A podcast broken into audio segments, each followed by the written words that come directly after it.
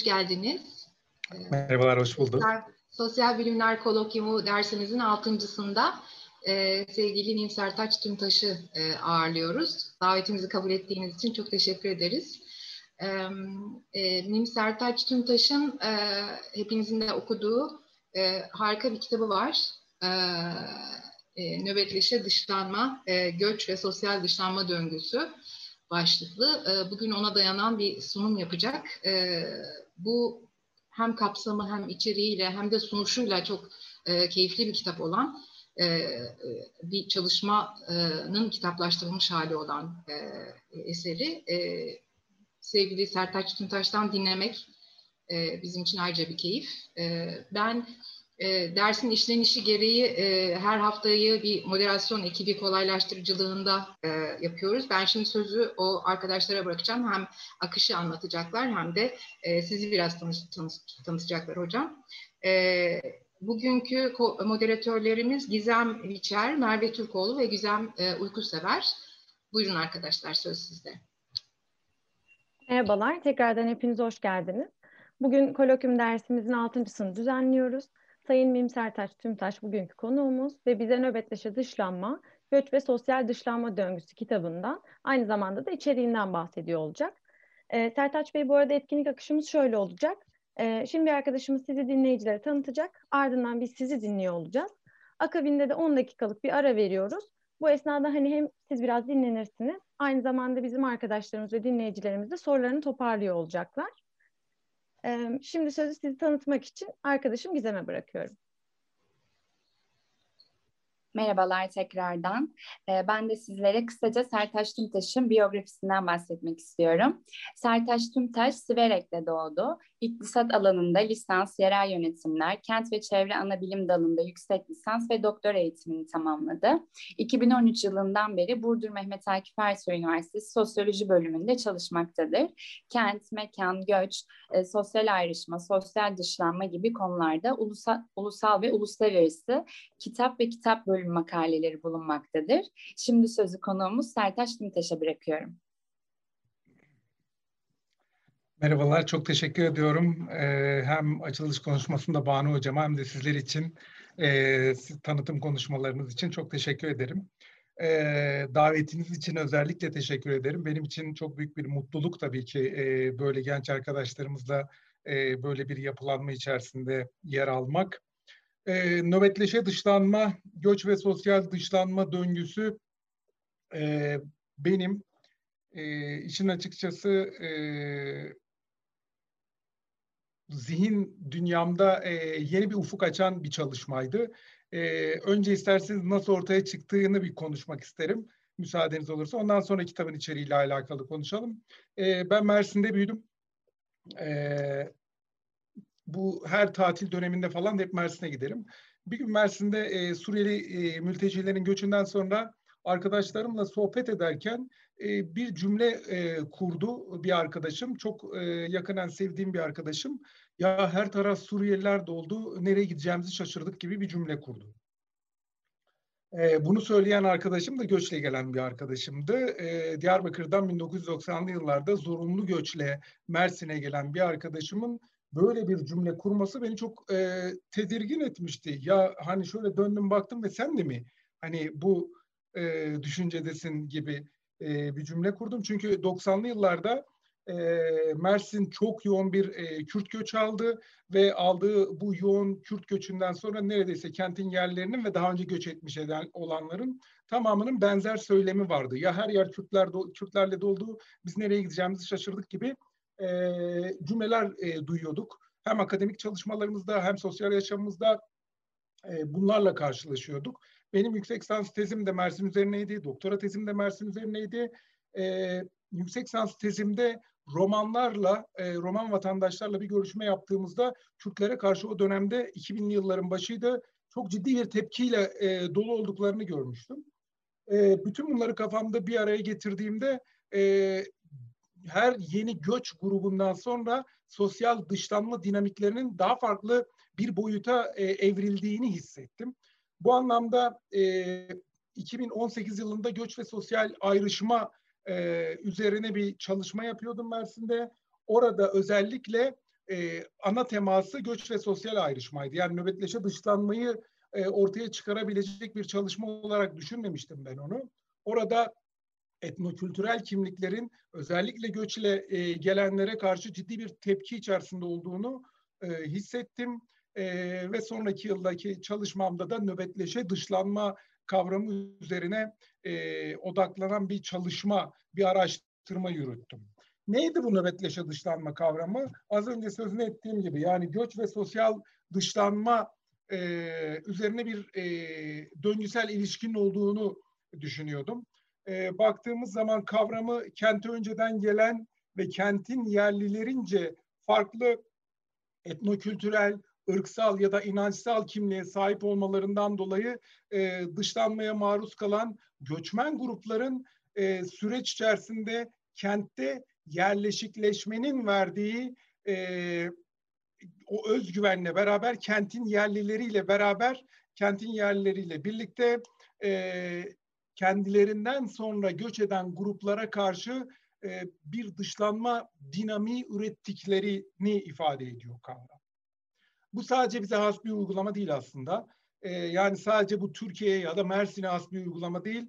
E, dünyanın farklı ülkelerinde göç alan, özellikle mülteci göç alan e, kentlerde bu tarz uygulamaların e, sıklıkla karşılaştığını görebiliyoruz. Özellikle Amerika Birleşik Devletleri mesela işte siyahilerin işte göçle gelen Hispaniklere ya da işte Asyalıların yine göçle gelen Hispaniklere ve siyahilere e, bunların hepsinin işte e, siyahilere gibi bir e, devingenlik var ortada. Bir döngüsel bir süreç var ortada.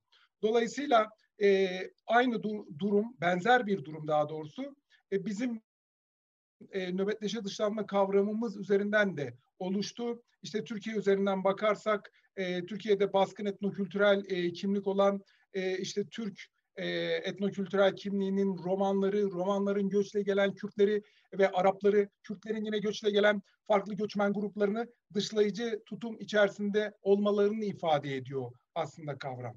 Dolayısıyla burada farklı kimliklerin birbirlerine tepkiselliğini tetikleyen e, bir dinamik olması gerekiyordu. Bu dinamik de tam da e, eleştirel e, sosyolojinin e, ya da eleştirel çalışmaların odak noktasını oluşturan kapitalist ilişkilerin tetiklediği e, olgusuydu aslında benim açımdan da. Zira kapitalist ilişkilerin yarattığı işte bölüşüm, tüketim e, üretim, bölüşüm ve tüketim ilişkilerinin dışlama dinamiklerini devingen kıldığı e, benim çalışmamın hipotezlerinden, en temel hipotezlerinden bir tanesiydi. Dolayısıyla e, eğer ki ortada e, bu kapitalist ilişkilerin yarattığı bir dışlama dinamiği var ise e, bunun sınıfsal konuma göre de gerekçelerinin farklılaşması gerektiği e, önemli bir e, noktaydı. E, dolayısıyla yani şunu söylemek istiyordum. Alt sınıfın, orta sınıfın ve üst sınıfın dışlama dinamiklerinin e, birbirinden farklı e, oluşabilmesi noktasını e, irdelememiz gerekiyordu diye düşündüm. E, bu anlamda bakıldığında e, sınıfsal boyutuna göre de e, nöbetleşe dışlanma tartışmalarına neden olan gerekçelerin farklılaştığını gördüm. E, dolayısıyla özellikle en formel piyasada varlığını sürdürmeye çalışan e, işte alt sınıf grubunun ya da e, sınıf altı grubunun e, yeni reka oluşan e, Suriyeli mültecilerin gelişi ya da yeni göçmen grupların gelişi. Biz e, çalışma Suriyeli mülteciler üzerinde yapılmış olabilir ama her yeni gelen göçmen grubun yarattığı yeni rekabet dolayısıyla e, alt sınıfın ya da sınıf altı grubunun e, yoksulluk ve yoksunluklarının derinleştiğini e, görebiliyoruz. Dolayısıyla göçmenlerin en formel piyasaya girebilme olasılığı üzerinden ki oraya girmek de biliyorsunuz e, belli bir e, sosyolojik taban gerektiriyor. Yani belli bir gücünüzün olması gerekiyor. O en formel piyasalara da yer alabilmeniz için. E, neden? Çünkü etnokül kimlikler üzerinden e, oluşmuş e, yapılar var o en formel piyasada da. Çoğu zaman sektöre giriş ve çıkışların en formel kontrol mekanizmalarıyla kontrol edildiğini görmekteyiz. İşte mesela kitabın baş, e, ilk sayfasına bakarsanız e, kapağı Kemal Vural Tarhan'ın bir fotoğrafından oluşuyor. Gaziantep'te çekilmiş bir fotoğraf. E, geri dönüşüm işçisi görüyorsunuz. E, sürekli Türkiye'li geri dönüşüm işçileri tarafından saldırıya uğruyor ve saldırıya uğramaması için etrafını Türk bayraklarıyla donatıyor ki saldırıya uğramasın.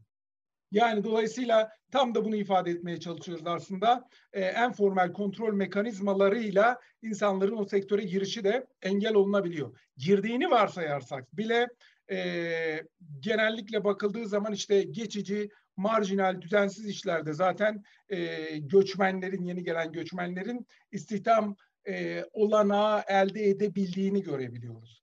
Dolayısıyla e, bu durum e, iş gücü arzında yani özellikle o en formal ekonomideki iş gücü arzında ciddi bir e, artışa neden oluyor. Türkiye biliyorsunuz 4 milyon Suriyeli mültecinin girmesi ki bunların yüzde 90 üzerinde e, bir nüfusunun aktif nüfus yani çalışabilir nüfus olduğunu görebiliyoruz. Bu bağlamda bakıldığında e, iş gücü piyasasında ciddi bir rekabet oluşuyor. Bu durum ücret düşüklüğünü ortaya çıkarıyor ve sistem dışına itilenlerin sayısının artmasına neden oluyor. E, bütün bu olumsuz durum alt e, sınıf için bütün, yaşanan bütün bu olumsuz durum işte işsizlik, düşük ücret, düşük çalışma şartları, kötü çalışma şartları ya da reel ücret ücretlerde düşüşlerin nedeni ve sorumlusu olarak sisteme sonradan girmeye çalışan ya da sisteme sonradan giren göçmenler görülmekte ve yaşadıkları yoksulluğun nedeni olarak e, göçmenleri işaret etmektedirler.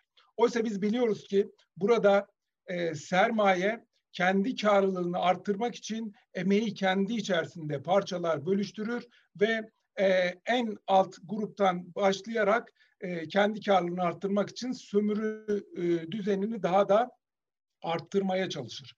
Oysa e, sermayeye yönelmiyor eleştiriler doğrudan doğruya e, alt sınıf grubu e, yoksullaşmasının nedeni olarak ya da işsiz kalmasının nedeni olarak e, etnokültürel, ırksal ve inançsal farklılık üzerinden bir ötekileştirme yolunu tercih ediyor ve milliyetçi reflekslerle e, göçmen sonradan gelen göçmen grupları e, sistem dışına itmeye çalışıyor. Tabii ki biz burada e, milliyetçi reflekslerin etnokültürel farklılıkların oluştuğu noktada e, devreye girdiğinin altını çizelim. Burada e, baktığımız zaman e, dışlayan ve dışlanan kimliklerin nöbetleşe dışlanma döngüsü içerisindeki iç içeliğinden de belki de söz etmemiz e, gerekiyor.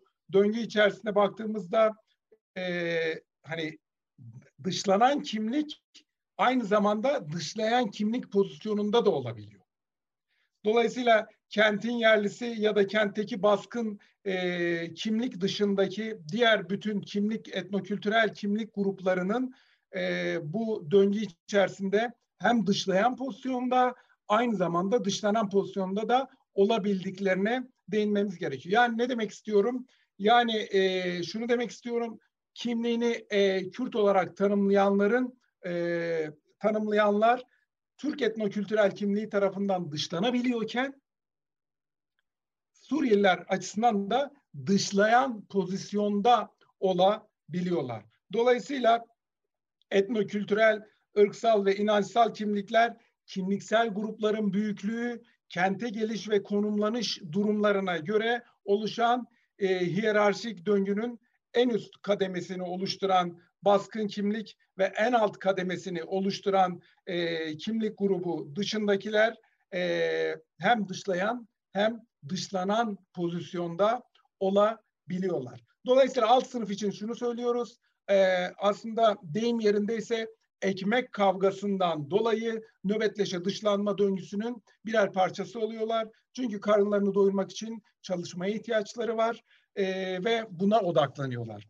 Orta sınıf açısından baktığımızda e, nöbetleşe dışlanma dinamiklerini e, harekete geçiren faktörler neler diye düşündüğümüzde e, iki e, durum ortaya çıkıyor burada. Tabii ki bunlar yine kapitalist e, ilişkiler kaynaklı.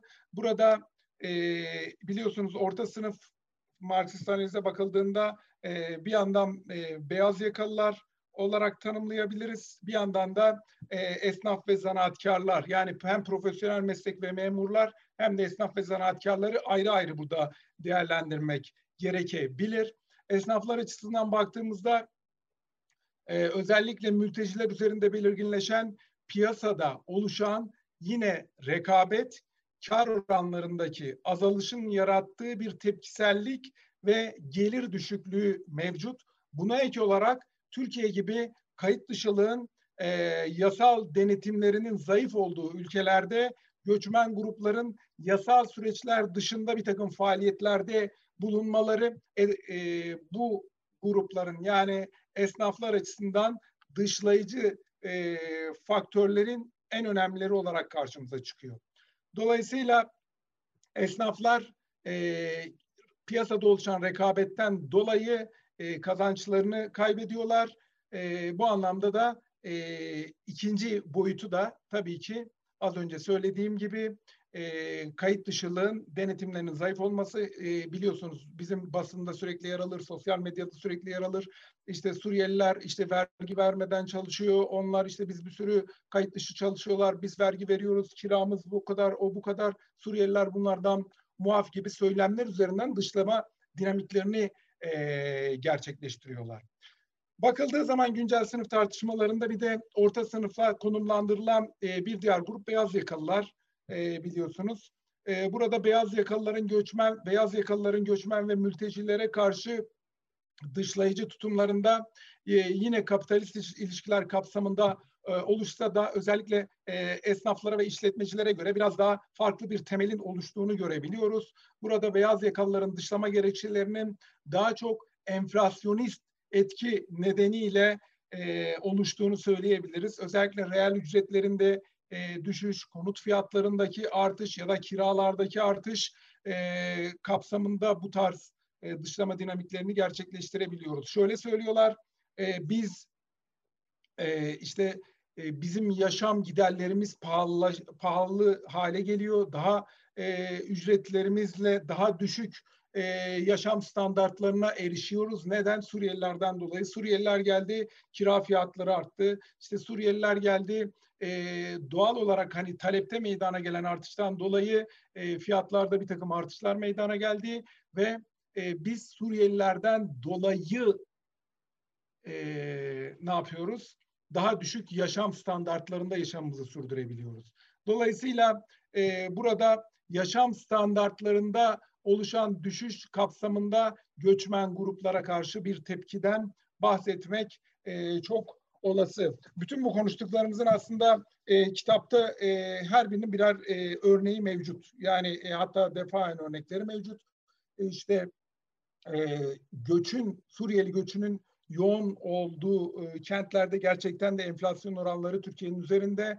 E, kira artış oranları ya da konut fiyatlarındaki artış oranlarının hepsi e, Türkiye ortalamasının çok daha üzerinde seyrediyor. Tabii bütün bu e, durumu yine kapitalist ilişkiler kapsamında oluşan e, yapıdan değil de doğrudan doğruya göçmen ve mülteciler üzerinden sorgulanması da yine dışlama dinamiklerini harekete geçiren e, önemli faktörlerden bir tanesi. Bir de profesyonel meslek gruplarımız vardı orta sınıf açısından. Bunlar daha çok e, orta üst sınıf olarak tabir edebileceğimiz e, grup olarak söyleyebiliriz. Bunlar da tabii ki enflasyonist baskıdan etkileniyorlar. İşte kira artışı, konut artışından etkileniyorlar. Ama bunlara ek olarak özellikle üst sınıf e, üst sınıfa benzer nitelikte yaşam tarzı farklılığının temelini oturtu, oturtulan e, bir dürtünün de dışlama e, dinamiklerinin oluşmasına neden olduğunu görebiliyoruz, gözlemleyebiliyoruz. E, özellikle biraz sonra üst sınıfları konuştuğumuzda da değineceğiz. Üst sınıfta genelde kültürel farklılık, yaşam tarzı farklılığı üzerine oturan bir dışlama dinamiği de var. Burada hani ne diyelim göçmenlerin yaşam tarzı farklılığı nedeniyle ya da etnokültürel farklılık nedeniyle e, dışlandığı bir yapı da söz konusu. Bu e, beyaz e, orta sınıfın bu orta üst sınıf diyebileceğimiz boyutunda e, bu tarz hani e, üst sınıfa yakın bir dışlanma dinamiğinin de oluştuğunu söyleyebiliriz. Özellikle bakıldığında e, güvenlik liste olarak adlandırılan e, kendilerince hani korunaklı yaşam alanlarında bu tarz etnokültürel farklılığı ya da göçmen e, ya da mülteci e, her neyse hangisi olursa olsun e, tehlike tırnak içerisinde söylüyorum tehlike olarak algılanıp bunlardan daha farklı bir e, yaşam alanı oluşturulmaya çalışıldığını da ne yapabiliyoruz görebiliyoruz. Bir anekdot size e, burada aktarmak istiyorum. E, ben Mersin'de bir e, konut almaya çalışıyordum. E, konut satan e, şirketle sözleşme imzalarken benim önüme bir e, madde, sözleşmede bir madde koydu. Şu yazıyordu, e, Suriyeli yarın ya da gelecekte burada aldığınız konutu satarsanız hiçbir şekilde e, Suriyelilere satmayacaksınız gibi bir madde vardı. Bu nedir ya dedim. Hani niye böyle bir şey yapıyorsunuz? Bu ne demek? Ya işte e, Suriyelilerin olduğu yerde e, konut fiyat kimse onlarla beraber yaşamak istemiyor. E, konut fiyatları düşüyor tarzı bir takım söylemlerde bulundular. Tabii ki imzalamadım ama bu tarz bir sözleşme bile vardı. Hukuki bir niteliği olmamasına karşın. Üst sınıfa bakarsak, üst sınıfta e, aslında e, bütün bu buraya kadar saydıklarımızda biliyorsunuz e, hem alt sınıfın sömürülmesi hem orta sınıfın e, ortaya attığı bir takım e, şikayetlerin e, temel oda aslında sermaye grubu. Yani sermaye grubunun yer aldığı üst sınıf. E, bu üst sınıfta e, oluşan göçmen ve mültecilere karşı oluşan tepkiyi aslında iki kapsamda değerlendirmek gerekir. Bunlardan ilki baktığımızda üst sınıf e, göçmen iş gücüne karşı olan tutumu. İkincisi de e, hani bundan çok çok daha farklı olarak kendi gündelik yaşam pratiklerinin oluştuğu noktada göçmen sermaye ile e, arasında oluşan rekabetten kaynaklanan bir ayrışma ya da bir e, ayrışma dinamiği. Genel olarak baktığımızda alt sınıf göçmenlerin dışlama gerekçelerinde vurgulanan işte iş gücü piyasasında iş gücü arzındaki artış ya da artan rekabetin temel neden olarak göçmen nüfusun e, yoğunluğunun vurgulanması, e, işte ücretlerin düşüşü, bütün bunların e, gerekçesi olarak göçmenlerin görüldüğünü görüyorduk. E, oysa kapitalist sisteme baktığımızda ucuz ve kayıt dışı çalıştırarak kar oranını arttıran e, doğrudan doğruya sermaye. Dolayısıyla göçmenlerin çaresizliğinden faydalanarak kendi e, çıkarı doğrultusunda hareket eden doğrudan sermayenin kendisi. E, bu anlamda bakıldığında e, bu kapsamda e, sermayenin e, göçmenleri iş gücü kapsamında sonuna kadar sömürerek zenginliğini arttırma noktasında e, varlıklarını yani göçmenlerin varlığını olumladıklarını görüyoruz. Yani alt sınıf e, göçmen ve mültecilerin varlığını varlığını olumlayan bir yapı söz konusu burada. Neden? Çünkü bundan tek fayda sağlayan aslında doğrudan doğruya sermaye. Ee, bir diğer nokta da aslında yine e, sermayenin e, çıkarını olan nokta da tüketim noktası aslında. E, nüfus ne kadar artarsa tüketim o kadar artıyor e, ve e, bu noktada da e, sermaye daha fazla mal satıyor, kar oranı daha fazla artıyor. Dolayısıyla ekonomi anlamında baktığınız zaman ekonomi büyüyor olabilir e, hem bir yandan ekonomi büyürken, üretimini arttırırken tüketim artıyor. Hem tüketimin artmasından dolayı sermayenin bir karlılığı var. Hem de e, üretim aşamasında göçmen iş gücünü sömürdüğü noktada e, sermayenin bir karlılığı var. Burada e, sermaye bunu nasıl yapıyor? Aslında çok basit. E, bahçede çalışan, e, daha doğrusu bahçe sahibi biriyle görüşmüştük e, görüşmelerimizde şunu söylüyordu. Ya diyordu ben yerli işçi işte günlük 100 liraya çalıştırıyorum. Çalıştırıyordum. Suriyeliler geldi şimdi 40 liraya 50 liraya çalıştırıyorum. Ben dedi aradan ben tabii ki bunların gelmesini çok isterim. Aradan tek karlı çıkan benim. Doğrudan doğruya bahçe sahibi bunu söylüyordu. Biliyorsunuz Mersin Narenciye bahçeleri hani bu tarz e, tarımsal ağırlıklı çalışmaların da yoğun olduğu bir kent. Bu anlamda e, hani dışlama dinamikleri noktasında bakıldığı zaman üst e, sınıf grubunun e, o göçmen ve mülteci iş, işçileri olumladığı bir durum hem üretim aşaması hem de tüketim aşaması olarak karşımıza çıkıyor. Peki dışlama dinamikleri nerede oluşuyor? Dışlama, dışlama dinamikleri üst sınıf açısından tam da kendi sınıfına mensup e, göçmen ve mültecileri dışladığı noktada oluşuyor. E, neden? Çünkü e, göçmenler geldikleri yere bir de yerel e, kendi etnik ekonomilerini yaratıyorlar. İşte bu etnik ekonomi yarattıkları noktada esnafsa orta sınıfa giren esnafsa esnaflar tepki gösteriyor çünkü ortada bir rekabet ve kar oranında bir azalış ortaya çıkıyor. Ee, üst sınıfsa işte fabrika e, yapılanmaları gibi üst sınıf e, ise burada yine ciddi bir rekabet ortaya çıkıyor. E, kendi sınıfından olan e, göçmen ve mültecileri karşı bir dışlanma dinamiği üretmeye başlıyor. Üst sınıf bir de az önce orta sınıfın dışlama, dışlama dinamiklerinde belirttiğimiz kendi yaşam alanlarında etnokültürel kimliklerden, etnokültürel e, farklılıklardan kaynaklı olarak e, ne yapmak istemiyor? A, e, onlarla beraber e, aynı e, yaşam alanında yaşamak istemiyorlar. Dolayısıyla e, gündelik yaşam pratikleri farklılığını e, bir dışlama dinamiği olarak ortaya atıyorlar. E, bunlar e, bu söylediklerimizin e,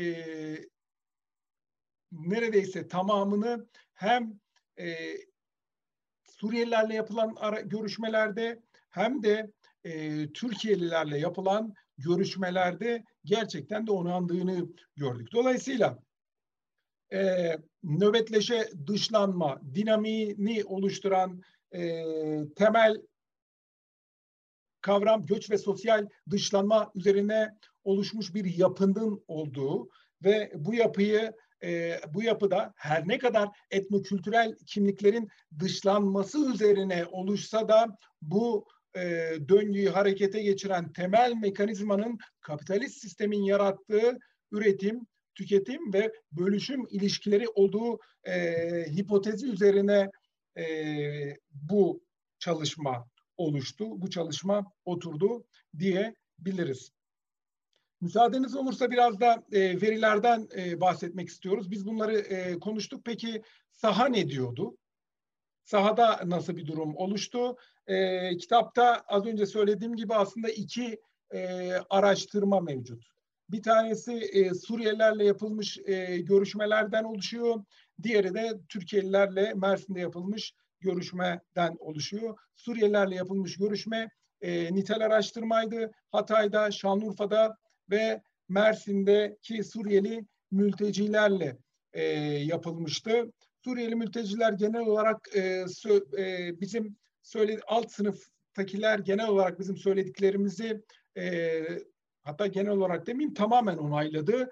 E, Türkiye'ye çok zor şartlar altında geldiklerini, e, ilk etapta barınma sorunlarıyla karşı, karşılaştıklarını, barınma e, sorununa çözüm bulmak için e, işte e, hani kimse vermediği için 3-4 hane, e, 3-4 aile bir hane bir konutta yaşamaya başladıklarını söylediler. E, daha sonra işte konut piyasasında ilk etapta problem yaşadıklarını vurguladılar. İstihdam piyasasını zaten söylemeye bile gerek yok. E, biliyorsunuz göçmen ve mülteci emeği dünya genelinde en fazla sömürülen emektir. İş gücü açısından baktığımızda en fazla sömürülen emektir. Hepsi çok kötü şart, e, çalışma şartlarında çok düşük ücretlerle çalışmaya razı olduklarını belirtiyorlar. Bunların hepsi e, doğrudan aktarmalarla zaten e, kitapta yer alıyor. Ee, yani hem konut piyasasında hem istihdam piyasasında hem de gündelik yaşamda e, ayrışmalara, dışlanmalara maruz kaldıklarını e, belirtiyorlardı. E, kimi konuştuğu dil için işte toplu taşımada e, Arapça konuştuğu için tepki gördüğünü belirtiyordu. Kimi alışveriş merkezinde lüks bir mağazada bunlar işte e, hani bunlar buralara kadar da geldiler e, ya da işte e, çok lüks sitelerde güvenlikli lüks sitelerde e, işte ya bunlar bile burada yaşamaya başladı gibi söylemlerle dışlama dinamiklerinin oluştuğunu görebiliyoruz. Dolayısıyla Suriyeliler bütün bu söylediklerimizin tamamını evet e, hani e, kavramsal boyutta söylediklerimizin tamamını yaşadıklarını e, belirttiler. E, Türkiye'lilerle yapılan görüşme e, 1400 e, 1519 hanede yapılmıştı. Yani bakıldığı zaman e, güven arallığı ve hata payı oranının da düşük olduğunu belirtebiliriz. E, burada e, genel olarak Mersin'e bakıldığında zaten etnokültürel çeşitliliğinin çok e, yoğun olduğu bir kent olduğunu zaten biliyoruz. E, Mersin'i bilenler şunu söyler, göçle oluşmuş bir kent der. E, kimi zaman mikro Türkiye e, tanımlaması yapılır. Çünkü hemen hemen her etnokültürel grubun yer aldığı, inançsal grubun yer aldığı bir kenttir Mersin. İşte e, bakıldığı zaman e, kent merkezi diye tabir ettiğimiz dört merkez ilçede e, işte nüfusun e, dörtte bir oranının neredeyse Kürt olduğunu işte e, yüzde ellinin üzerinde bir e, Türkmen nüfusu, Türk Türkmen nüfusu olduğunu e, yine kentin yerleşik nüfusu olarak bir Arap nüfusunun olduğunu da mutlaka altını çizmemiz gerekiyor. Bunlar da aslında e, köken olarak baktığımızda e, Suriye'den gelenlerden oluşuyor. Suriyeli e, Nusayri dediğimiz e, Arapların da Mersin'in çok ciddi 110 üzerinde bir nüfusları olduğunu da belirtmemiz gerekiyor. Yine işte e, Roman e, ya da Alevi ya da Hristiyan e, ya da ateist e, de, diye çok e, çeşitli bir kimlik tanımlamaların olan e, bir kent. E, göçle oluşmuş bir kent dedik baktığımız zaman yüzde kırkının bizim araştırmamızda e, kente göçle geldiğini belirttiğini e, görüyoruz. E, araştırma sonucunda. Oysa doğduğumdan beri Mersin'deyim diyenlerin de aslında e, göçmen olarak ailesinin göçle Mersin'e geldiğini de belirtmemiz e, doğru olur sanıyorum. Şimdi bakıldığı zaman kentin en önemli sorunu nedir diye sormuştuk biz. Hemen karşımıza e, sorun tanımlaması olarak ilk etapta Suriyelilerin çıktığını gördük.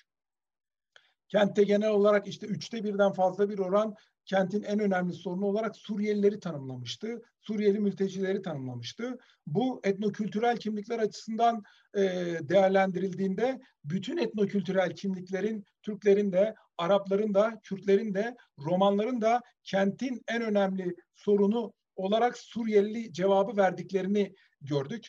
Tabii ki ağırlıkları e, değişiyordu. İşte e, romanlar açısından baktığınızda işsizlik de en önemli sorun. Kürtler açısından ya da Araplar açısından baktığınızda işsizlik de en önemli sorun. Ama Türk olarak kimliğini tanımlayanlar açısından en önemli sorun e, Suriyeliler olarak beliriyordu. Diğer etnokültürel gruplarda da işsizlikten sonra Suriyeliler e, yanıtı gelmişti.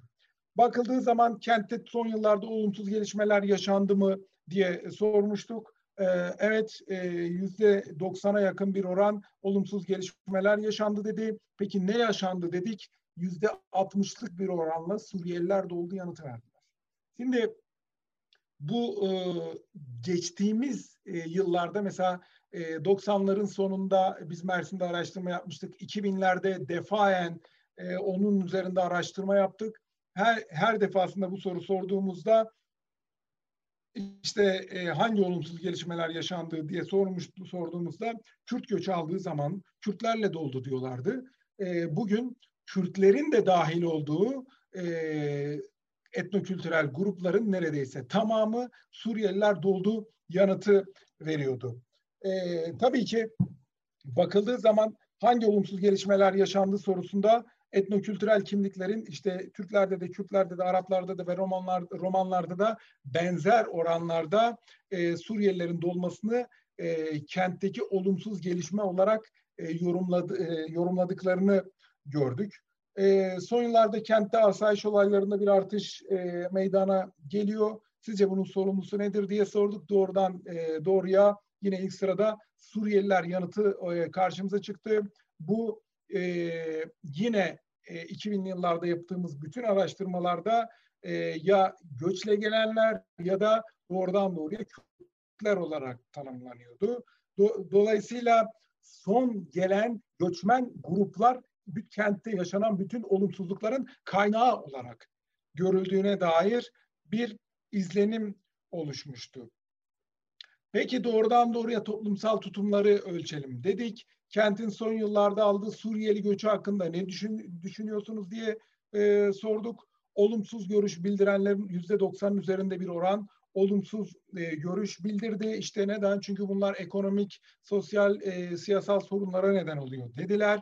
Burada dikkat çeken boyut olumlu görüş e, bildirenlerdi. Olumlu görüş bildirenlerde doğal olarak e, ucuz iş gücü yaratıyorlar söylemi az önceki bizim üst sınıf için e, ortaya attığımız e, hipotezimizin aslında e, kısmen onaylandığını belirten bir durum ortaya çıkıyordu. Ucuz iş gücü yaratıyorlar. Bundan dolayı da olumlu değerlendiriyorum noktasıydı. Kentte, e, yaşadığınız kentte, Mersin'de kendinizi güvende hissediyor musunuz diye sormuştuk. Yüzde 38 gibi bir oran hayır dedi. Neden peki diye sorduğumuzda her yer Suriyeli doldu yanıtı ön plana çıkmıştı. Burada e, yine bütün etnokültürel kimlikler e, bu konu hakkında hem fikirdiler. Yani kentte kendini güvende hissetmeme nedeni olarak e, Suriyeli mültecileri gösteriyorlardı. Ama kentte kendini güvende hissetmeme nedeni olarak dışlanıyorum yanıtı da yine işte Araplarda, Kürtlerde özellikle Roman ve Kürtlerde çok yüksek oranlarda yaklaşık yüzde yirmilik bir oranlarda oranda belirmişti. Yani bu da hani e, dışlayan ve dışlanan kimliklerin iç içeliği tartışmalarını e, yine kısmen olan onu olum onaylayan bir tablo olarak karşımıza çıkmıştı. E, yani bir yandan her yer Suriyeliler doldu diyerek Suriyelileri dışlıyorken, mültecileri dışlıyorken öte yandan da dışlanıyorum yanıtını verebiliyordu. Ee, son bir yılda Suriyelilerle sosyoekonomik ilişkilerde bulundunuz mu dedik. Ee, üçte ikilik bir oran hayır e, yanıtı verdi. Neden diye sorduğumuzda e, aslında e, doğrudan doğruya dışlayıcı e, bir dil kullanıldı. Sevmiyorum onları diye bir e, cümle e, kuruldu. E, ya da herhangi bir ilişki e, nedensiz bir şekilde ilişkide bulunmak istemiyorum e, ya da güvenmiyorum gibi söylemlerin ön plana çıktığını gördük. Bu da aslında e, dünya genelinde bakıldığı zaman göçmen ve mültecilere karşı tepkilerde neredeyse e, birçoğunda karşımıza çıkan bir durumdu. Suriyelilerle aynı e, mahallede ya da işte e, sitede e, ya da binada yaşamak sizleri rahatsız eder mi e, diye sorduk. Yüzde seksenin üzerinde bir oran evet beni rahatsız eder yanıtını vermişti. Yine baktığımız zaman etnokültürel kimliklerin e, neredeyse tamamının e, birbirine yakın oranlarda aynı fikirde olduğunu görüyorduk. E, bu soruyu 2000'li yıllarda sorduğumuzda e, kısmen e, neredeyse yani kentin birçok yerinde evet Romanlarla aynı e, binada yaşamak istemem, evet Kürtlerle aynı binada yaşamak istemem ya da e, farklı kimliklerle aynı binada yaşamak istemem gibi yanıtlar geliyordu. Şimdi e, bu e, farklı kimliklerin tamamının göçmen ve mültecilere karşı bu dili kullandığını görüyoruz. Yani e, kendi yaşadıkları sosyal dışlanma e, deneyimini onlara da yaşatmak istediklerini e, görüyoruz. Bir duygudaşlık gelişmediğini görüyoruz. Yani ben dışlandım dur bari onlar buna maruz kalmasın gibi bir söylemin oturmadığını görebiliyoruz. Peki neden Suriyelilerle aynı e, binada işte sitede mahallede yaşamak istemiyorsunuz diye sorduğumuzda e, aslında e, hani tartışmalarda belirttiğimiz e, üst gelir grubunun e, yaşam biçimleri farklı ya da onları güvenli bulmuyorum e, söyleminin ön planda olduğunu görüyorduk. Hatırlarsanız üst, üst gelir grubu için özellikle e, yaşam e, biçimleri, yaşam tarzı farklılığından dolayı e, Suriyelilerle aynı e, yerleşim biriminde yaşamak istemediklerine dair söylemlerde bulunduklarını görmüştük. E, son olarak şunu bir e, ya, genel yargılar hakkında bir bilgi edinmek istemiştik. E, biliyorsunuz ilk etapta Türkiye e, toplumu gelen Suriyeli göçmenlere karşı işte savaş mağduru, e, din kardeşliği ya da Osmanlı'dan gelen tarihsel birliktelik ya da işte e, desteklediği hükümetin politikası olduğu için bir takım olumlu görüşlerin olduğunu görüyorduk. Yani e, onlara sahip çıkmamız gerektiğine dair e, söylemlerde bulunuyordu. E, Suriyeliler savaş mağduru sahip çıkmamız gerekiyor yargısına katılır mısınız e, diye sorduk. Sadece yüzde dokuzluk bir oran buna katıldı. E, Suriyeliler Türkiye ekonomisine zarar veriyor yargısına e, bakıldığı zaman işte yüzde 85'in üzerinde bir destek. Suriyeliler işlerimizi elimizden alıyor. Yine yüzde 86'ın üzerinde bir destek. Suriyeliler üzerinde yüzünden düşük ücretle e, çalışıyoruz. Yüzde 80 üzerinde bir destek. E, Suriyelilerin iş yerlerinden asla alışveriş yapmam. E, söylemin yüzde 70'in üzerinde bir destek. Suriyelilere karşı oluşan toplumsal tepkileri destekliyorum. Yüzde 60'ın üzerinde bir destek e, ya da işte sosyal medyada biliyorsunuz Suriyelilere karşı çok ciddi linç kampanyaları yapılıyor zaman zaman. E, bunları e, destekliyor musunuz yargısına ya da e, bunları bu kampanyaları desteklemiyor destekliyor musunuz'a yüzde otuzun üzerinde bir e, destek sağlandığını görebiliyoruz. En önemli nokta Suriyelilere yapılan sosyal yardımları destekliyor musunuz diye sorduğumuzda da yüzde 85'in üzerinde e, desteklemiyorum yanıtı ve kent Suriyelileri kentin her yerinde görmek e, beni rahatsız ediyor, sinirlerimi bozuyor e, yargısına yüzde seksenin üzerinde bir destek. E, Suriyeliler ülkelerine gönderilmeliye de yüzde seksen beşin üzerine bir destek geldiğini görüyoruz. Dolayısıyla e, kentte her yeni gelen göçmen grubunun e, sonra gelen göçmen gruplarını da, da içeren bir sosyal dışlanma dinamiği oluşturduğuna dair e, bir görüntü mevcuttu. Biz de bunu nöbetleşe dışlanma olarak kavramlaştırmıştık. Evet, kısaca benim söyleyeceklerim bu kadar. Sanırım süreyi de doğru kullandık. Çok teşekkür ederiz. Harikaydı. Ee, şimdi dilerseniz siz de dinlenmiş olun. Arkadaşlarımız da çete isimlerini yazarak sırayla soruları için sıra alabilirler. Bir 10 dakika ara verelim. Tekrardan merhabalar Sertaç Bey. E, kitabınızda Suriyelilerle uyum ve bütünleşmeden bahsediyorsunuz. Peki bu Suriyelilerle Türk kültürünün bütünleşmesi hakkında ne düşünüyorsunuz? Merak ettim. Soru cevap mı gideceğiz yoksa topluca alacak mıyız? Nasıl yapacağız hocam? Tek tek yapalım. Soru, soru cevap. cevap gidiyoruz genelde. Tamam. Evet. Ya e, işin açıkçası burada asıl önemli boyut e, devlete düşüyor. Yani e, yani Suriyeli mültecilere ilk etaptan itibaren Türkiye toplumuna şu mesaj verildi.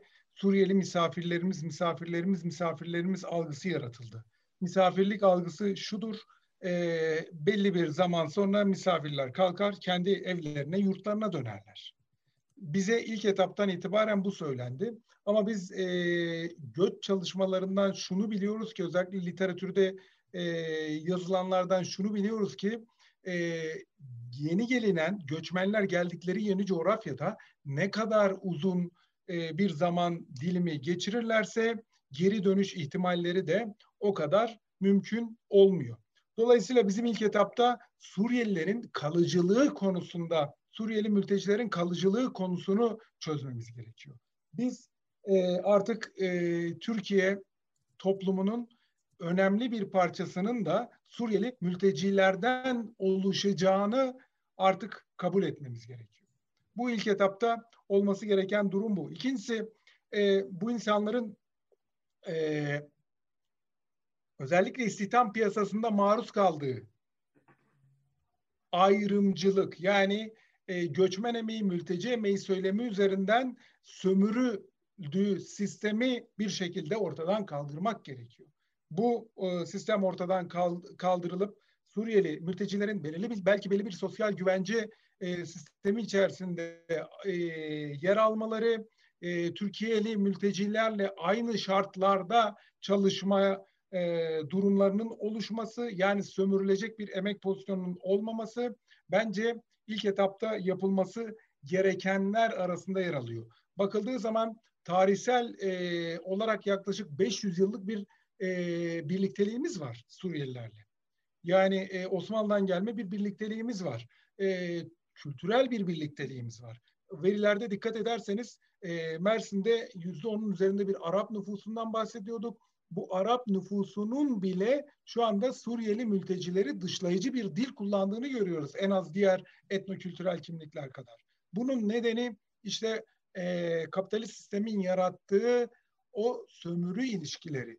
Devletin bu sömürü ilişkilerine e, el atması bence ilk etapta yapılması gereken tartışmalar. Geriye kalan e, işte Türk kültürüne alışmaları, Türkiye kültürüne alışmaları, e, tartışmaları ya da işte mutlaka Türkiye, Türkçeyi tabii ki öğrenmeleri gerekiyor entegrasyon için. Ama e, asimilasyon tarzı bir uyumdan ziyade kültürleşme tarzı bir uyumun ben çok daha doğru olacağını düşünüyorum. Yani e, her iki kültürün de birbirini etkilediği yeni bir e, melez kültürün yavaş yavaş çıkacağını düşünüyorum.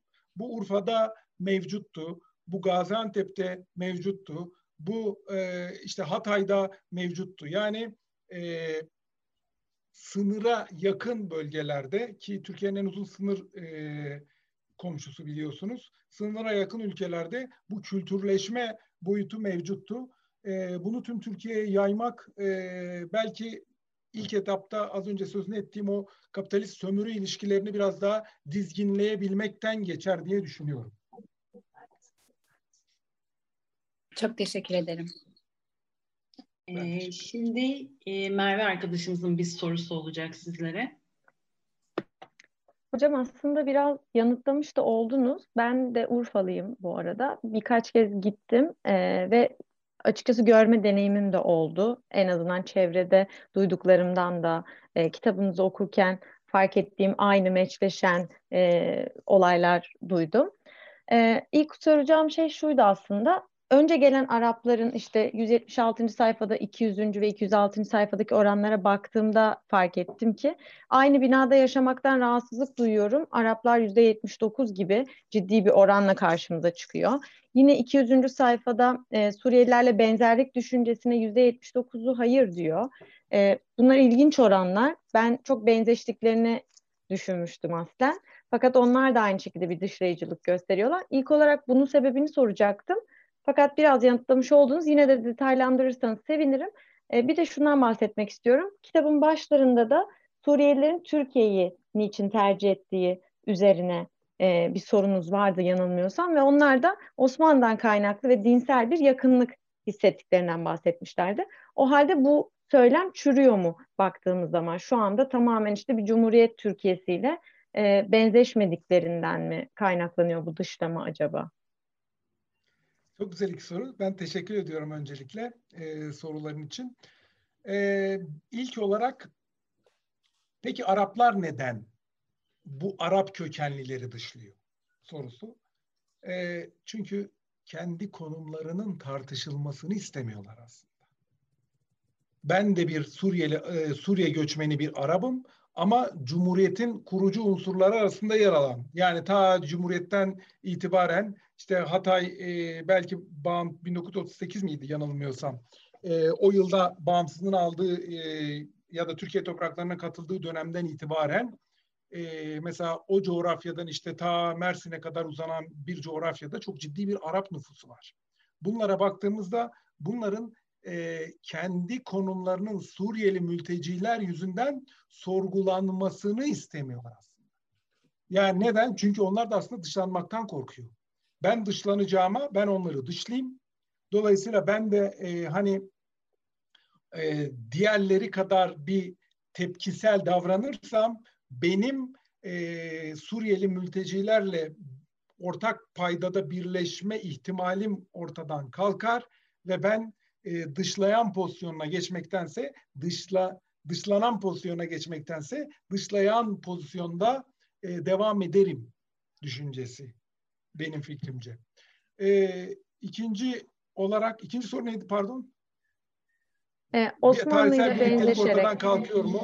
E, tarihsel birliktelik aslında e, Cumhuriyet Türkiye'si ile e, ortadan kalkmıyor. Neden kalkmıyor? E, zaten az önce sözünü ettiğim gibi yani e, baktığınız zaman ta Mardin'den işte Mersin'e kadar e, coğrafyada Suriyeli bir nüfusu, ciddi bir e, Suriye kökenli Arap nüfusunun olduğunu görüyoruz. Yani e, görüntüleri hepimiz hatırlarız. İşte bayramlarda telin üzerinden o ona hediye atar, bu buna hediye atar ya da topluca gidip topluca gelirlerdi savaştan önce. E, yani tarihsel e, birlikteliğin yanında ırksal birliktelik, a, aile birliktelikleri, akrabalık ilişkileri zaten mevcuttu. Ama e, şu anda e, ben sosyopolitik e, sorunlardan dolayı e, şu anda bir e, birlikteliğin sağlanamadığını düşünüyorum. Bundan kaynaklı olduğunu düşünüyorum. Çok teşekkür ederim. Ee, sırada Banu hocamızın bir sorusu var. Ee, benim sorum e, Mersin özeline ilişkin olacak hocam biraz. Ee, birkaç yerde, kitabın birkaç yerinde e, özellikle Mersin'de bu sosyal ayrışma ve e, sosyal dışlanma e, döngüsünün daha e, ciddi boyutlarda olduğunu söylüyorsunuz. E, halbuki e, bu e, şeyi düşündüğümüzde işte Şanlıurfa, Hatay, Gaziantep gibi illeri düşündüğümüzde onlarda aslında Mersin'de olduğundan e, iki katı daha fazla sayıda Suriyeli e, göçmen var e, nüfus temsili açısından da öyle. Nüfusta, e, e, toplam nüfusta e, e, bulundukları e, yüzdeye bakarsak yine e, daha fazla diğer illerde. E, Mersin'i bu açıdan e, e, özellikli yapan nedir? Neden e, Mersin'de bu kadar bir tepki var? E, birinci sorun bu. Bir de ikinci soru olarak da e, yine kitaptaki bulgularınızdan e, bir tanesi e, geri dönmek istiyor musunuz sorusunu sorduğunuzda e, orta yaş üstü e, grup e, ta ağırlıklı olarak geri dönmek istiyorlar. Suriye'de her şey normalleşince ama genç nüfusta hemen hemen tamamı geri dönmek istemiyor Suriye'de her şey normale dönse bile. E, bunu acaba şey diye okumak mümkün mü? E, o bahsettiğiniz demin kültürleşme e, potansiyeli e, taşıyacak bir grup mudur bu e, ileriye dönük olarak? E, bunu soracaktım. Teşekkürler. Evet. Şimdi hocam neden Mersin? Ee, Mersin 1990'lı yıllarda göçü en travmatik şekilde yaşayan kentlerden bir tanesiydi. Hatta en travmatik yaşayan kent diyebiliriz. Ee, çok yoğun bir göç aldı. Ee, biliyorsunuz 90'lı yıllar Türkiye'nin e, iç zorunlu göçünün yaşandığı yıllar. Yani bugünkü rakamlar işte Suriyelileri 4 milyon verirken biz o dönemki rakamlarla 4 milyon e, Kürt e, zorunlu göçmenin Türkiye'nin batıdaki kentlerine geldiğini gördük. Bu kentler arasında e, Mersin çok büyük ağırlıktaydı. Çünkü e, işte kısmen sanayisi vardı, kısmen e, ticareti limanı vardı, kısmen tarımı vardı, kısmen turizmi vardı, istihdam potansiyeli vardı ve özellikle e, mevsimlik göçlerde çok e, uğrak alanlarından bir tanesiydi. E, bu anlamda Mersin'e aşinaydılar ve e, hızlı bir şekilde Mersin'e geldiler. Mersin'de göçle oluşan e, mahalleler oluştu. Bu mahalleler o kadar büyüdü ki mesela e, kentin yönetsel yapısına etki eder boyuta geldi. İşte e, biliyorsunuz e, uzunca yıllar boyunca e, Kürt seçmenin ağırlıkta olduğu işte bugün adı HDP olan geçmişte HEPDEP, HADEP gibi uzantıları olan siyasi partiler kentte e, yönetim mekanizmalarını e, kazandılar. Hatta e, 2004 seçimleriydi yanılmıyorsam Büyükşehir Belediyesi'nde kazandığı ve o dönemde bir takım siyasi tartışmalardan dolayı e, ya da bir e, müdahalelerden dolayı verilmediğine dair e, net tartışmalar var günümüzde. E, raporlar var günümüzde okuduğumuz. Dolayısıyla bu travmatik etkiyi hani göçmenler geldi, kenti ele geçirdi, kentin yönetimini ele geçirdi gibi travmatik etkiyi Mersin çok yoğun yaşadı. Bu travmanın bir etkisi olarak yorumluyorum ben aslında. Yani evet e, bakarsanız işte Kilis biliyorsunuz e, bunu en travmatik yaşayan bir il olması lazım. Nüfusunun yüzde 95'i e, nüfusu oranının yüzde 95'i mültecilerden oluşuyor. E, ama işte e, Mersin gibi kentlerde bu daha travmatik etkiler yaratıyor. E, bunun da nedeni aslında o geçmişte yaşadığı deneyimlere bağlamak gerekir diye düşünüyorum. Geri dönme meselesi, bu geri dönme e, hocam e, sizler de biliyorsunuz e, yaş yani genç nüfus yeni gelinen coğrafyada özellikle kalıcı olmak ister. Çünkü artık o kültürün bir parçasıdır. Yani bugün sözünü ettiğimiz e, grup e, işte 2011-2021 yaklaşık 10 yıldır e, Türkiye'de yaşıyorlar. 10 yaşında gelen bugün 20 yaşında, 15 yaşında gelen bugün 25 yaşında. Türkiye'nin içerisindeki eğitim sisteminin içerisinde e, artık yer alıyorlar. E, dolayısıyla e, sayıları da milyonlarla ifade edilebilecek boyutta ve artık Türkiye e, Türkiye'nin içerisinde Türkçeyi çok konuş çok iyi konuşar vaziyetteler. E, eğitim sistemi içerisinde çok iyi yerlere geliyorlar. İşte hepimizin üniversitelerinde e, yüzlerce Suriyeli öğrencinin bizim üniversitemizde mesela 300'ün üzerinde yanılmıyorsam Suriyeli öğrenci varmış. Dolayısıyla bu insanların geri dönme isteği bu e, Türkiye toplumuyla e, ne diyelim entegre olduğu için geri dönme istekleri çok zayıf. Ben onların kültürleşme üzerinden değil de entegrasyon içerisinden, entegrasyon üzerinden değerlendirilmesi gerektiğini düşünüyorum. Çünkü Türk eğitim sistemi içerisinde e, Türkiye'li gibi yetişiyorlar. Ama e, daha üst yaş gruplarının kültürleşme üzerinden entegrasyonu söz konusu olabilir. Tabii biliyorsunuz belirli bir yaş üzerinin de e, hiçbir şekilde artık entegrasyon durumundan ziyade kendi e, köklerine, toprağına olan bir özlem vardır. Yaş e, geldikleri dönemdeki yaş grubu itibariyle 60 üzeri yaş grubunun geri dönme isteği güçlüdür.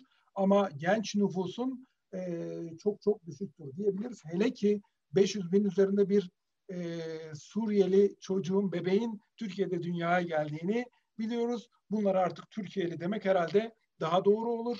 Bunları e, entegre e, entegrasyonu ile ilgili herhangi bir problem olacağını işin açısı ben düşünmüyorum. E, o e, eğitim sisteminin dışında kalan kesim için e, entegrasyonda bir takım problemler olabilir. Onlar asimile olmaya ya da olmamaya direnebilir ya da kültürleşme boyutu devreye girebilir ya da giremeyebilir tartışmalar işte o gruplar için geçerli olur. E, ben genç nüfus için zaten e, onlara artık Türkiye'li diyebiliriz diye düşünüyorum. Ee, peki e, bir diğer sorumuz da Mehmet Hoca'dan olacak. Hocam buyurun. Sesimi açmamışım. Hocam ben yani e, sunum sayesinde çalışmanıza vakıf oldum. Okuyamadım kitabı ama çok da ilginç. Umarım vakit bulur okuyabilirim.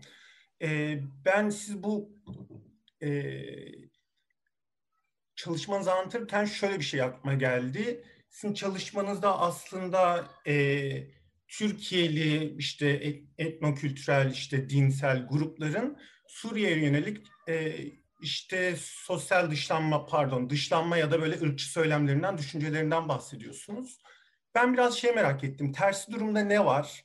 Yani Suriyeliler bu süreci nasıl yaşıyorlar ve nasıl analiz ediyorlar? E, bu dışarıdan gelen bunlar Suriyeliler dolayısıyla Suriyeliler böyle böyle yapar diyen bir kimlikleşme var ya dışarıdan atfedilen. Bunu Suriyeliler bu kimlikleşmeyi mesela kabul ediyor mu? Bir dayanışma ağı olarak, e, meselesi olarak alıyorlar mı? E, ve buradan nasıl çıkabileceklerini insanlar genel olarak düşünüyor. Ben bu soruyu şöyle bir arka planla e, soruyorum. Ben yani bir araştırma grubu içerisinde 2010'ların başında daha doğrusu işte 2010'da Türkiye'deki işte bu romanların çingenelerin yaşadığı sosyal dışlanma ve yoksulluk üzerine bir çalışmada yer almıştım. Bizim orada en çok gördüğümüz tema romanın çingeneliğin çingeneler için nefret edilen bir tema olduğuydu. Yani insanların içinden çıkmak istediği, nefret ettiği, kesinlikle kabul etmediği bir şeydi ve bunu literatür üzerinden baktığımızda Kürtlerde böyle bir şey yoktu ve daha böyle bir Kürt hareketinin oradaki e, önemli unsurunu biraz keşfetmiştik. E, yani benzer bir dışlanma, yani romanlar kadar olmasa da ciddi bir dışlanma yaşarken Kürtler e, en azından o kimliği yani Kürtlük kimliğini pozitif bir şey olarak da kabul ediyorlardı. Ama dediğim gibi bizim araştırmamız e, Çingeneler üzerineydi. E, burada hani Suriyelerde nasıl bir durum var, nasıl bir dayanışma, e, kimlikle beraber tabii bir dayanışma ilişkisi var. Onu merak ettim. Şimdi hocam e, tabii ki hani romanlarla kıyaslamak çok doğru olmaz bence. Hem Kürtleri hem e, Suriyelileri. Neden? Çünkü e, bir etnik yapılanma var zaten içlerinde. Romanların aslında bir etnik yapılanmadan ziyade hani bir zorunlu birliktelikleri mevcuttu bence. Şimdi e, Suriyeliler tüm göçmenlere baktığımızda yani dünya genelinde göçmenlere baktığımızda bizim Avrupa'ya giden göçmenlerimiz de dahil olmak üzere yani Türkiye'den 60'lı yıllardan itibaren e, Avrupa'ya giden göçmenler de dahil olmak üzere e, kendilerini güvende hissedecekleri bir e, mekan yaratırlar. Yani bir mekansal yoğunlaşmaları olur. O mekansal yoğunlaşma içerisinde kimlikleri de gelişir, kimliklerini de beslerler. Çünkü bu e, bir güvende hissetme duygusudur. Yani geldikleri kentte kendini güvende hisseder.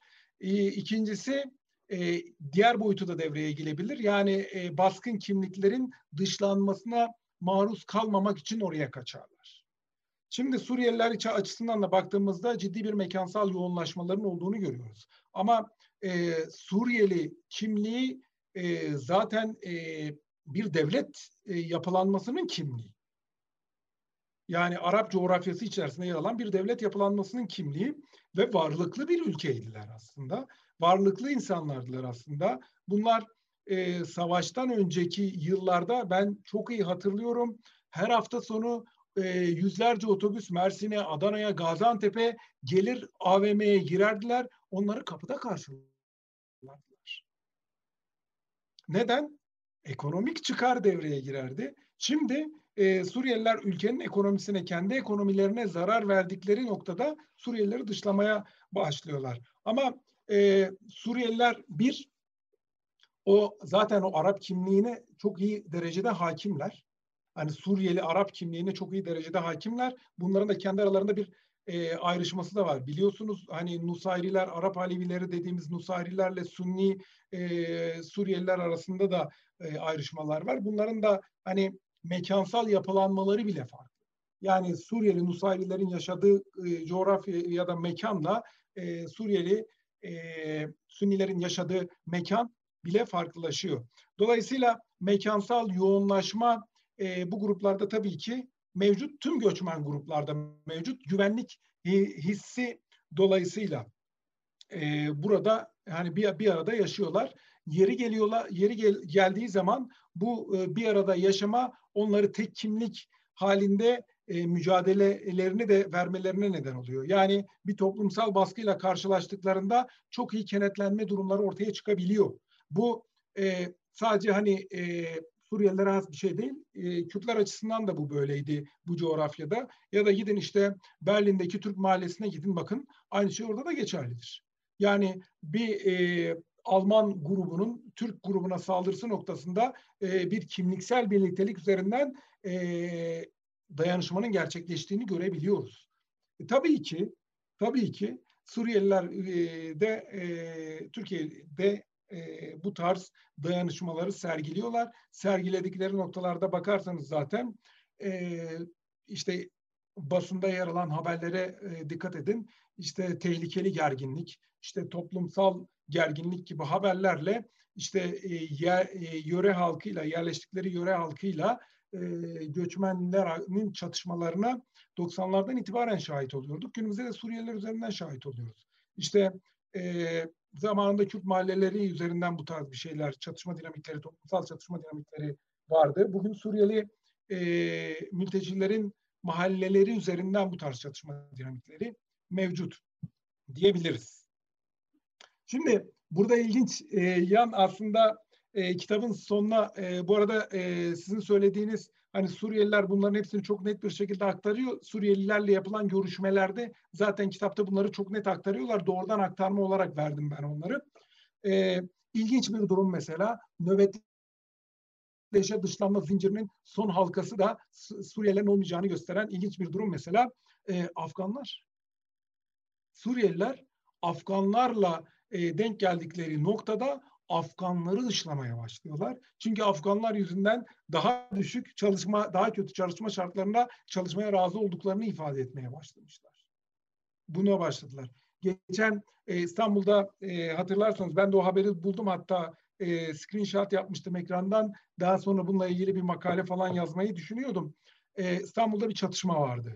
Yani geri dönüşüm işçileri e, ya da işte çöp toplayıcılar ne isim verirsek bunlara e, Afganlarla Suriyelilerin çatıştığı bir nokta. E, dört tane Afgan e, yaralı, bir tane Afgan öldü. E, zanlarda Suriyeliler. Bakın yani nöbetleşe dışlanma zinciri, halkalarının zinciri nasıl e, artarak devam edecek e, diye söyleyebiliriz aslında bundan. Ee, peki, ben de bir soru sormak istiyorum. Ee, benim de e, sorum kitabınıza yönelik aslında.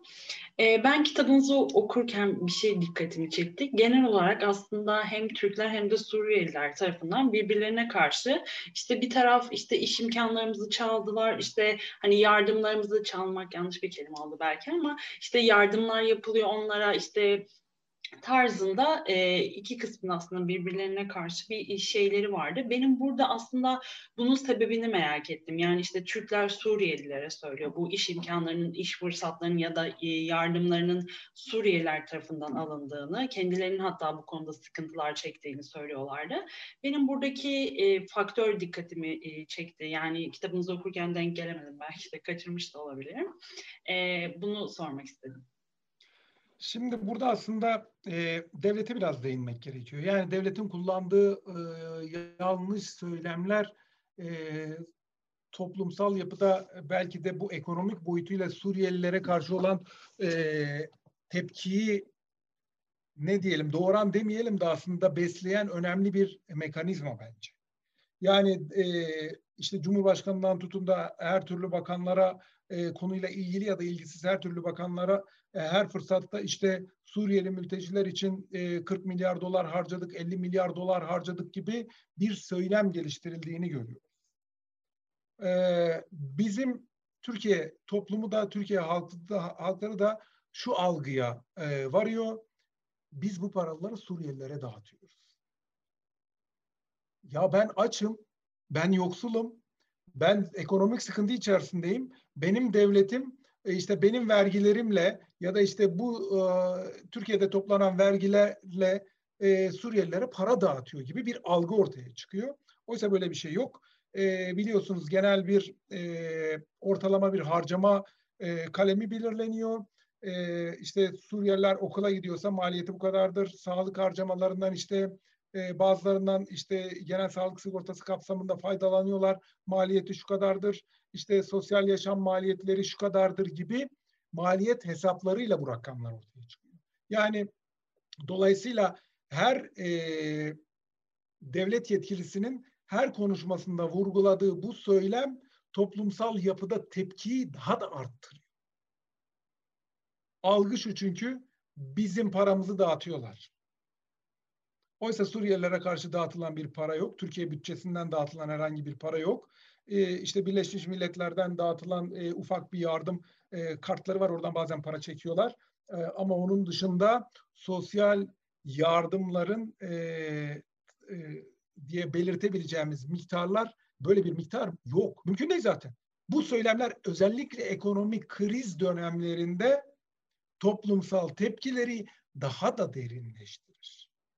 Yani düşünsenize şu anda e, ülkede işte e, açıklanıyor Merkez Bankası'nın işte 12 milyar dolar rezervi kalmış durumda. Ülke battı batacak gibi bir söylem ya da bir düşünce var. Bir yandan da 50 milyar dolar Suriyelilere harcadık. Biz mültecilere bu kadar para harcadık. Dünyanın en fazla mülteci barındıran ülkesiyiz diyerek aslında siz okları mültecilere çeviriyorsunuz. Siz toplumsal tepkilerin odak noktasını mültecilere olarak parmak gösteriyorsunuz aslında. Dolayısıyla e, durum böyle değil. E, insanlar yoksullaşmasının neden olarak Suriyelileri sorguluyorlar. Oysa durum böyle değil. Devletin yanlış ekonomi politikalarıdır. Devletin sermayeden yana taraf olmasıdır. E, sermayenin daha fazla sömürme arzusudur. Bunlar e, Suriyelilere karşı olan tepkiyi derinleştiriyor. Çok teşekkür ederim tekrardan. Ee, başka sorusu olan ben var mı? Yok sanırım.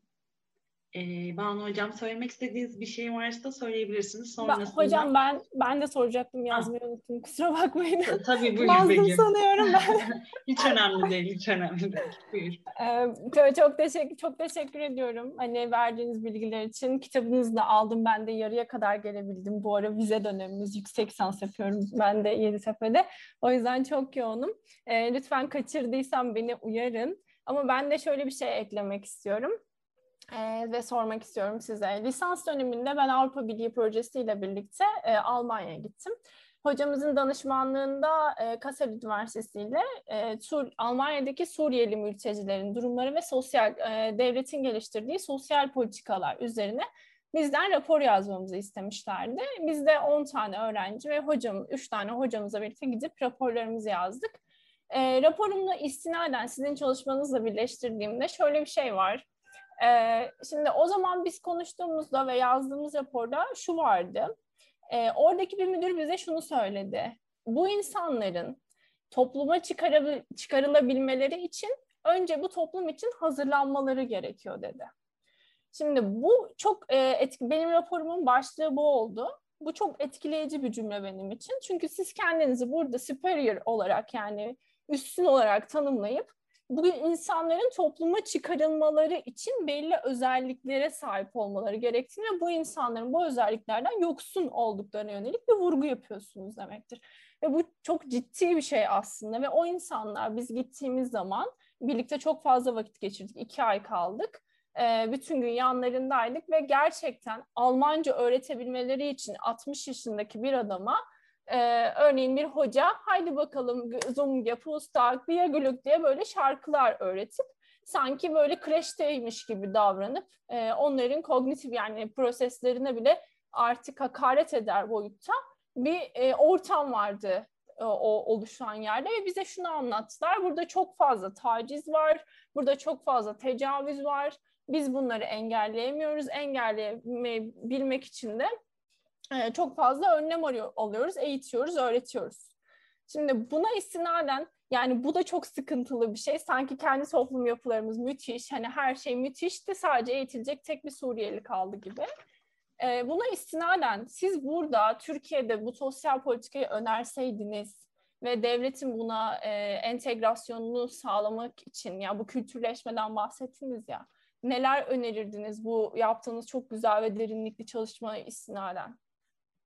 Diye sormak istedim ben de. Teşekkür ediyorum. Yani e, sözünü ettiğiniz problemler aslında az önce ben e, sunumumda da e, belirttim.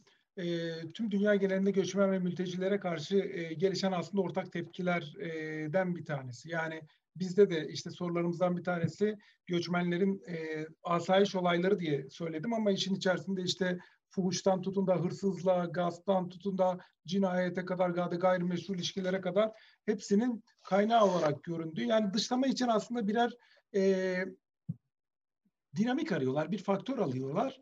E, böyle bir söylem geliştiriyorlar. Dolayısıyla dünya genelinde bu böyledir. E, hani göçmen ve mülteci alan coğrafyalardaki dünya genelinde bu böyledir. Şimdi e, sorunuza gelince hani nasıl bir politika önerebiliriz? Şimdi ilk etapta e, gelen mültecileri biz bu toplumun kalıcı bir unsuru olduğunu, artık Türkiye toplumunun e, kalıcı unsurları arasında yer alması gerektiğini ilk etapta kabul etmemiz gerekiyor. Bakın hala hala Suriyeli misafirlerimiz diye konuşuyor devlet büyükleri.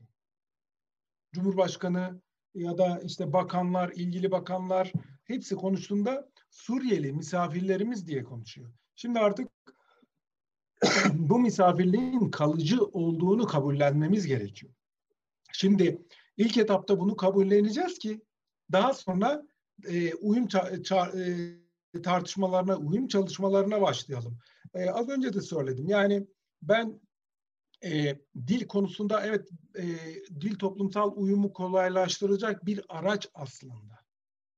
Ama e, insanlar e, o dili konuşamadan da toplumsal uyumu sağlayabilirler tabii ki. E, bu ülkeye baktığınızda zaten e, çok ciddi oranlarda milyonlarca insanın ana dili olarak zaten Arapçayı kullandığını görüyoruz. Yani e, ana dili Arapça, dolayısıyla Türkiye'nin aslında ana dillerinden bir tanesi Arapça. Dolayısıyla bu insanlarla kendi dillerinde bile e, iletişim kurarak toplumsal uyumu sağlayabiliriz tabii ki. Kültürel formülasyonlarımızın ben çok farklı olduğunu düşünmüyorum.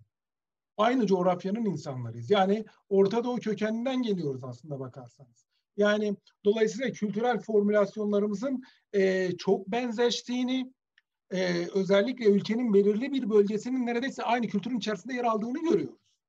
Dolayısıyla aynı kültürün içerisinde yer alan e, insanların e, toplumsal uyumu, toplumsal bütünlüğü sağlaması çok problemli değildir. Ama e, ülkenin batısına göç etmiş, ülkenin batısında e, batısının yeni tanıştığı kültürlerle belki bu toplumsal uyum sorununu çöze, bir e, toplumsal uyum tartışmalarını gündeme getirmek belki daha doğru olabilir. E, bu problem de e, ilk etapta tabii ki bu mekansal ayrışmaları ortadan kaldırmamız gerekiyor göçmen ve mültecilere karşı ön yargıları ortadan kaldırmamız gerekiyor. Yani işte bakıyorsunuz e, dörtte üçünden fazla bir oran ben e, göçmen ve mültecilerle ya da işte Kürt olabilir bu zaman yeri geliyor Kürt oluyor yeri geliyor işte Suriyeli mülteci oluyor yeri geliyor e, Roman oluyor Çingene oluyor bunlarla aynı binada aynı e, sitede aynı mahallede yaşamak istemiyorum.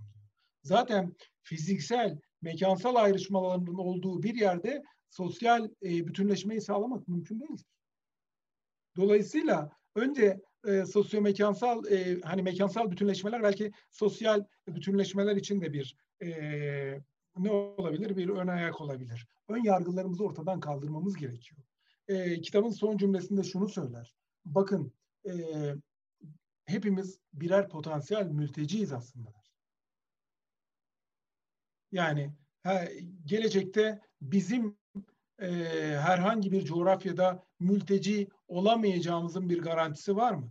Dolayısıyla e, empati ön yargıların orta ön yargıların ortadan kalkması ve empati bence toplumsal uyumun en önemli noktaları. Bunları sağladığımız e, zaman zaten bizim kültürel olarak çok farklı olmayan insanlar olduğumuzu söyleyebilirim.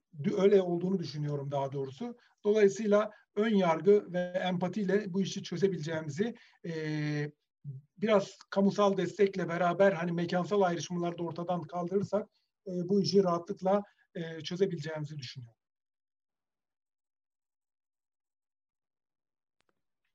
E, teşekkür ederiz sunumumuz için. Çok gerçekten e, bilgilendirici çok güzeldi. Kitabınız da bilakis öyle çok iyiydi.